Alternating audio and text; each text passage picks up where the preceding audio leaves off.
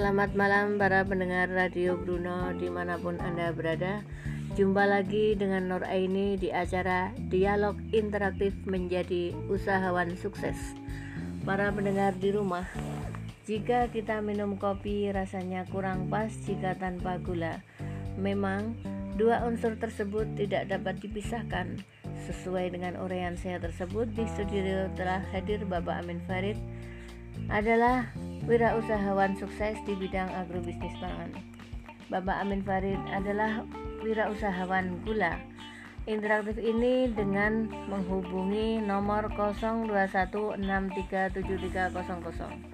Baiklah, akan saya perkenalkan narasumber kita pada malam hari ini. Selamat malam Bapak Amin Farid.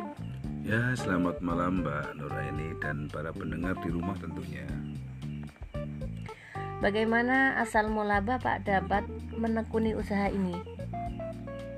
Baik Mbak, usaha ini saya mulai pada tahun 1998. Ketika itu kondisi perekonomian bangsa ini baru terpuruk akibat krisis moneter.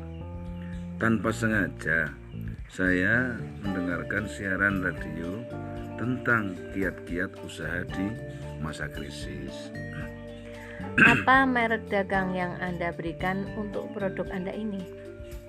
Oke, saya memberi nama gula semut, Mbak. Unik sekali nama yang Anda berikan. Iya, karena emang bentuk gula ini berwujud butiran-butiran halus serupa dengan tumpukan semut. Saya memilih kata semut ini agar mudah diingat orang. Bagaimana proses pengolahan gula semut dan kopi robusta ini?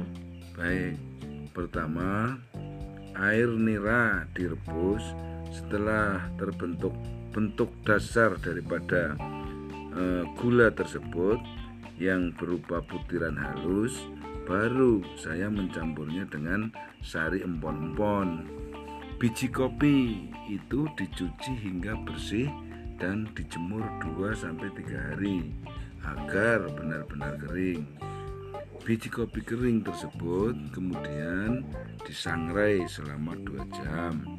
Barulah kopi ditumbuk dan diayak dengan alat yang sudah distandarkan. Gitu, Mbak. Bagaimana pemasaran produk tersebut?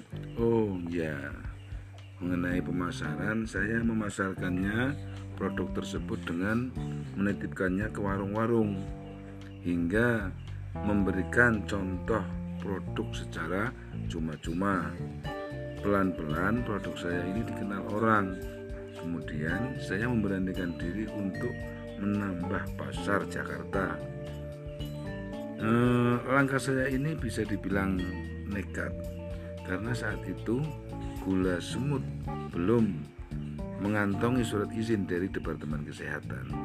Di Jakarta produk saya berkembang hingga saya dapat menambah pasar ke luar negeri.